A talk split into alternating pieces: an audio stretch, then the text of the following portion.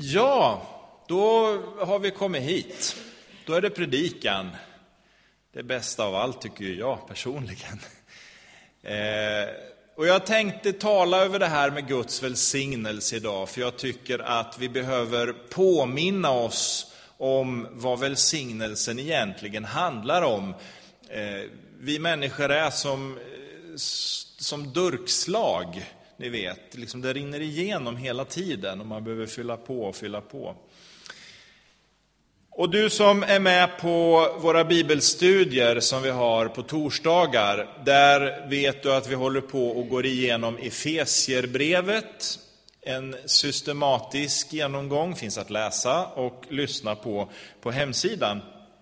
Där har vi också rört vid det här med välsignelse ett par gånger. För brevet byggs ju upp utav den tredje versen i första kapitlet som talar om att Gud har välsignat oss.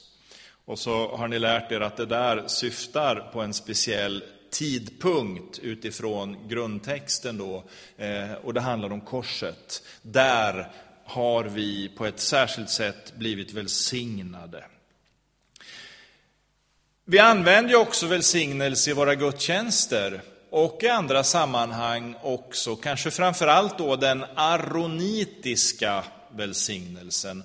Arons välsignelse brukar komma i slutet av gudstjänsterna. Ni vet, Herren välsigne dig och bevare dig. Och det här är ju någonting som vi använder i gudstjänsten, inte bara som en pusselbit eller del av själva liturgin av gudstjänstformen. Det är ingen from önskan eller några ord sådär som vi bara talar ut, utan det finns en realitet, en verklighet och tyngd i varför vi gör så. Och det skulle jag vilja röra vid idag. Och har du Bibeln med dig så får du gärna slå upp fjärde Mosebok. Eh, vi är i ökenvandringen när den skrivs. Fjärde Mosebokens sjätte kapitel, för där står den här välsignelsen. Ifrån vers 22 så ser vi att Herren talade till Mose och sa Säg till Aron och hans söner, när ni välsignar Israels barn ska ni säga till dem Herren välsigne dig och bevare dig. Herren låter sitt ansikte lysa över dig och vare dig nådig. Herren vände sitt ansikte till dig och give dig frid. På detta sätt skall de lägga mitt namn på Israels barn och jag skall då välsigna dem. Amen. Innan vi ger oss i kast bokstavligt med de här orden och tankarna så skulle jag vilja ge dig en liten fond som vi kan ställa den här eh, predikan, det här budskapet emot. Som jag sa i inledningen av gudstjänsten så befinner vi oss i påskcykeln. Vi är på väg från påskfirandet fram mot pingsten som ju inträffar 50 dagar efter påsk. Och man kan säga att själva kärnan i det här med pingsten, det har ju att göra med det här som Jesus säger i Apostlagärningarna 1 och 8, att när den helige Ande kommer över er, då ska ni få kraft att bli mina vittnen, från Jerusalem och så ut över hela vår värld. Att beklädas med kraft för att bli ett Jesu vittne. Och det här har Jesus alltså knutit ett löfte till. När det här händer så lovar jag, säger Gud, att det ska bli så här. Vi behöver inte stå ensamma i tjänsten som hans vittnen här på jorden. Han är med oss. Han går med oss. Han hjälper oss och han vägleder oss. Hjälparen, den helige Ande som pingsten handlar om, är ett konkret bevis på Guds närvaro i våra liv. Och om vi nu försöker närma oss orden i den här aronitiska välsignelsen som vi har läst, så behöver vi påminna oss om den här tanken om vad Guds välsignelse är. Och jag brukar ju hjärntvätta sådär lite ibland. Man behöver skrubba lite på hjärnan för att och liksom pränta in vissa saker. Och det finns en sån här fras som jag har återkommit till ganska medvetet för att du ska lära dig den och kunna dig den när jag ringer mitt i natten och frågar hur var det nu med Calvins definition av välsignelse? Jo, men säger du, Guds välsignelse är Guds godhet i handling. Kände ni igen det? Ja, precis. Det är den korta förskolevarianten, Guds välsignelse, Guds godhet i handling. Men sen när ni har avancerat lite i det här så kan ni ju Calvins fortsättning. Guds välsignelse, Guds godhet i handling, genom vilken en rikedom av allt gott strömmar ned till oss från honom som är all godhets källa. Jag tycker det är bra. Jag skulle aldrig kunna formulera det så bra. Men jag tycker att vi behöver påminna oss om det här när vi går in i pingsten. Om Guds godhet i handling. Att det här kommer över församlingen gång på gång och ni fick ju en smak av hur Guds ande är med när Margareta i inledningsordet talar just om det här. Hon hade ju ingen aning om att jag skulle tala om det och jag hade ingen aning om att hon skulle tala om det. Men Guds ande är ju här och får allt att samverka som en enhet. Där hon vittnar om att Gud har verkligen varit med i församlingens historia. I konkret handling skickat hit vaktmästare och allt möjligt som behövs för att det här ska fungera. Guds godhet i handling. Och från den långa inledningen så kommer vi in i fjärde Moseboken som spänner över 38 av de 40 år som folket var ute i öknen. De har fått lagen på Sinai berg, ni vet de två stentavlorna med budorden. Det har Mose fått förmedla ifrån Gud till folket. Och när jag talar om vad det kristna livet handlar om så gör jag ju det ofta just utifrån ökenvandringen som en bild. För det är ju därför de går. För Gud berättar någonting mycket större. Från slaveriet i Egypten till friheten i löfteslandet. Som handlar om från slaveri och bundenhet i synd till frälsningen och friheten i Jesus. Det handlar om blodet som stryks på dörrposterna i början där i Egypten. Jesus som offras, hans blod som utgjuts för oss människor. Och så vandrar de efter det genom Röda havet, dopet följer på tron och så får man sen vara med i öknen om massa spännande saker. Och i detta är Gud hela tiden med. Som en molnstod på dagen, som en eldstod på natten. Han leder sitt folk. Han hjälper dem att få vatten ur klippan. Han hjälper dem i striden mot amalekiterna. Han hjälper dem med manna och vaktlar och allt det här som inte jag ska predika om nu. Men i den situationen så talar nu Gud till folket genom Mose. Så här ska du säga när du lägger mitt namn på folket. Och här kommer de första tre punkterna i predikan. Jag har två gånger tre punkter eh, idag. Ja, det blir långt. Nej, det är ingen fara. Så farligt är det inte. Den första lärdomen i det här när Gud säger så här ska ni göra, det är uppmaningen som Gud ger till folket. Gud ger prästen bokstavligt befallning att kommendera Gud att göra något bland människorna. Och det tycker jag är ganska häftigt, att Gud ger prästen, nu tror jag på det allmänna prästadömet, så det är inte just de med, med frimärksskjortor och, och sådana här saker på sig, utan jag tror att alla har möjligheten. Men den här möjligheten att faktiskt få tala till Gud och säga, nu Gud, gör du så här. Och så gör han. Uppmaningen är det första. Och det kan man läsa ut av om du vill eh, gräva lite djupare i det här, så i hebreiska grundtexten så finns det just en, en tidsform av verbet som kallas för jussiv, eh, som, som handlar om det här, eh, den här be, eh, befallningen eller uppmaningen. Det andra är förmedlandet, den determinativa tanken, om man ska använda ett fint ord till det här att faktiskt ge något som finns i det här. Man kan säga att prästen eller den som uttalar välsignelsen står egentligen emellan folket och Gud och förmedlar någonting däremellan.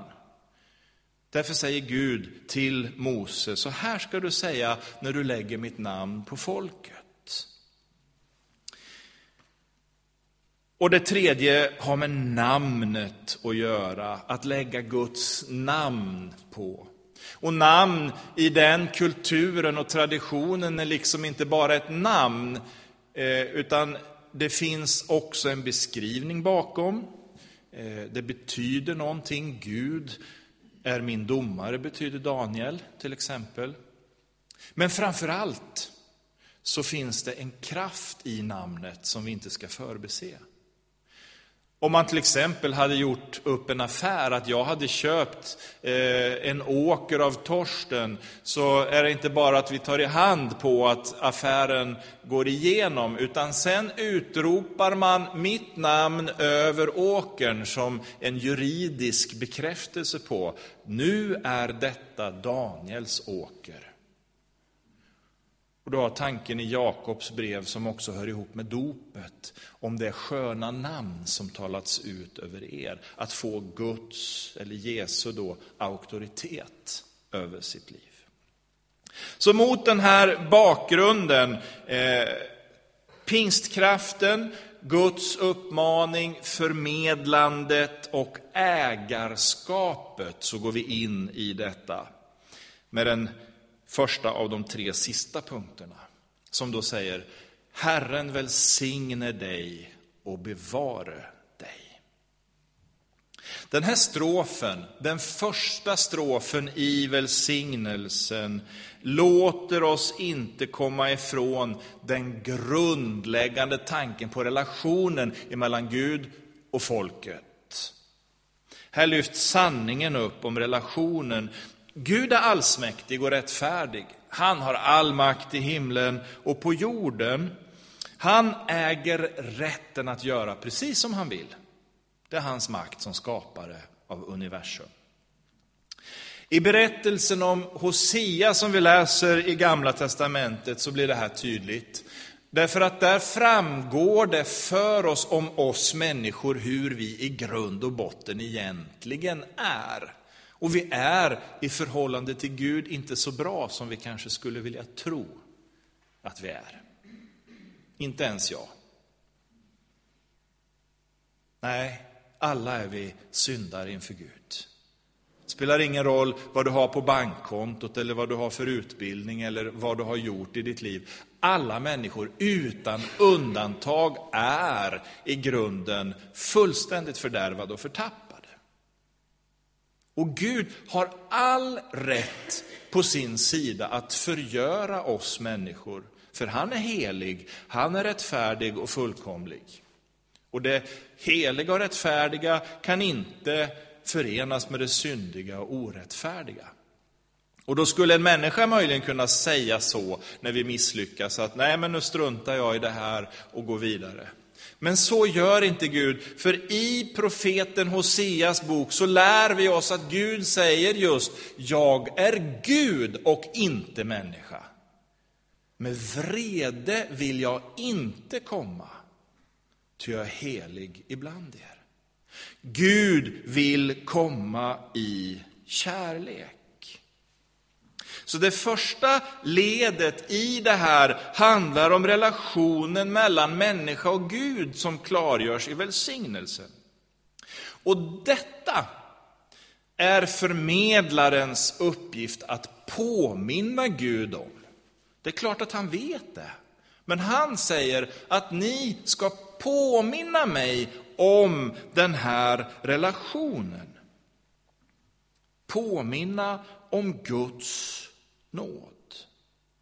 Och så påminner vi Gud om hans godhet i konkret handling. Det är ingen from önskan. Det är ett verkligt liv. Så inledningen av prästens välsignelse handlar om att Gud ska påminnas om att låta godheten komma över folket till beskydd för allt det som hotar en människa i den här världen. Herren låter sitt ansikte lysa över dig och vare dig nådig. Den andra strofen. Och vi kan gå till det här när Mose kommer ner ifrån Sina i första gången. Han har fått budorden, han har fått tavlorna, han har mött Gud på ett sätt som ingen människa har gjort, varken före eller efter. Och så står det att när Mose kommer så utstrålar han en sån stark Guds närvaro och helighet att folk inte kan se på honom. Det är så starkt, ljuset ifrån Mose. Så står det att de hänger en slöja för hans ansikte för att man ens ska kunna vara tillsammans med honom. Det finns många aspekter på det här, men eh, vi ska inte gå in på alla dem. Eh, men Gud vill göra sin närvaro känd för människorna. Jag är mitt ibland er. Och bär vi med oss den innebörden i välsignelsen så får den större klarhet. För när prästen eller förmedlaren, vem den nu blir eller är, lägger Guds namn på folket, så talar de Guds nåd när domen faller. För en dom kommer över oss alla, vare sig vi vill eller inte. Vare sig jag är frälst eller inte frälst, så kommer Gud att döma oss. Och det är möjligt nu att tala om nåd på grund av förmedlaren, som jag talade om, Mose då, som lägger lagen bland folket och i förlängningen då Jesus Kristus. Vi ser hur Mose kommer ner och de har byggt en guldkalv och tillber en avgud.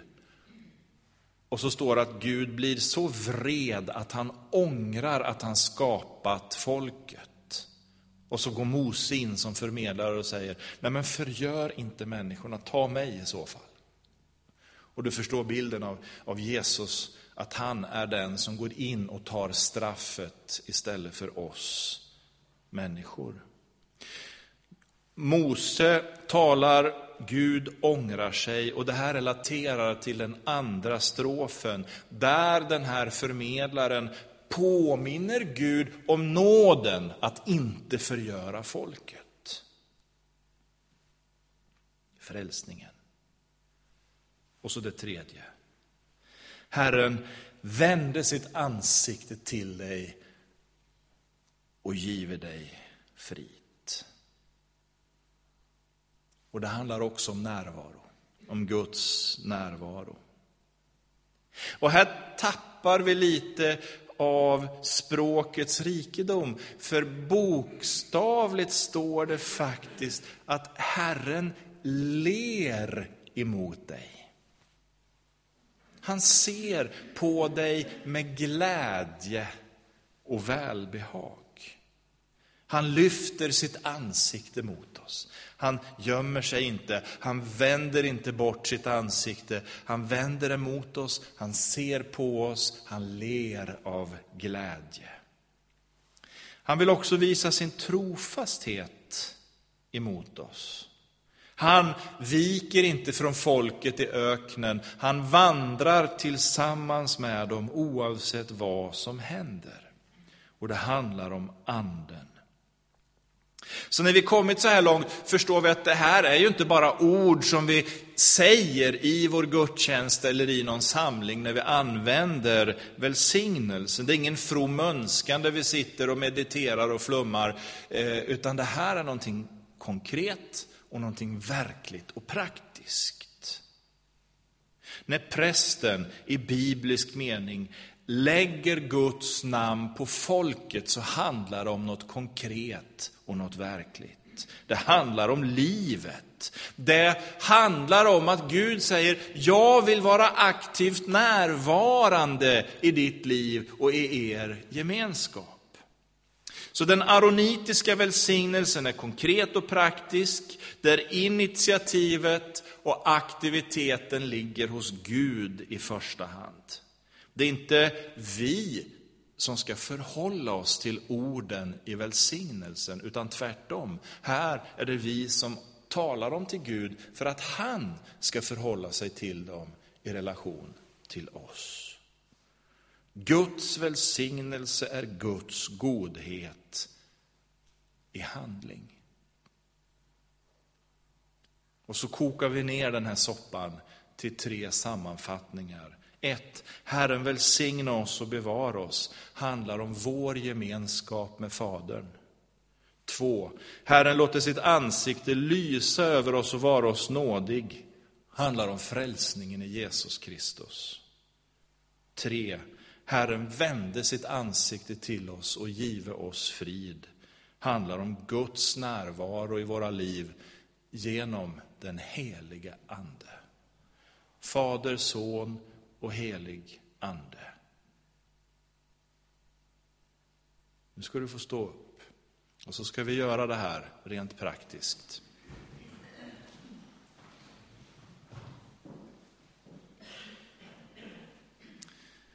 Så brukar vi säga att du får ta emot Herrens välsignelse, för Gud vill konkret göra något i ditt liv. Herren välsigne dig och bevare dig. Herren låter sitt ansikte lysa över dig och vare dig nådig. Herren vände sitt ansikte till dig och giver dig frid. I Faderns, i Sonens och i den helige Andens namn. Amen. Varsågod och sitt.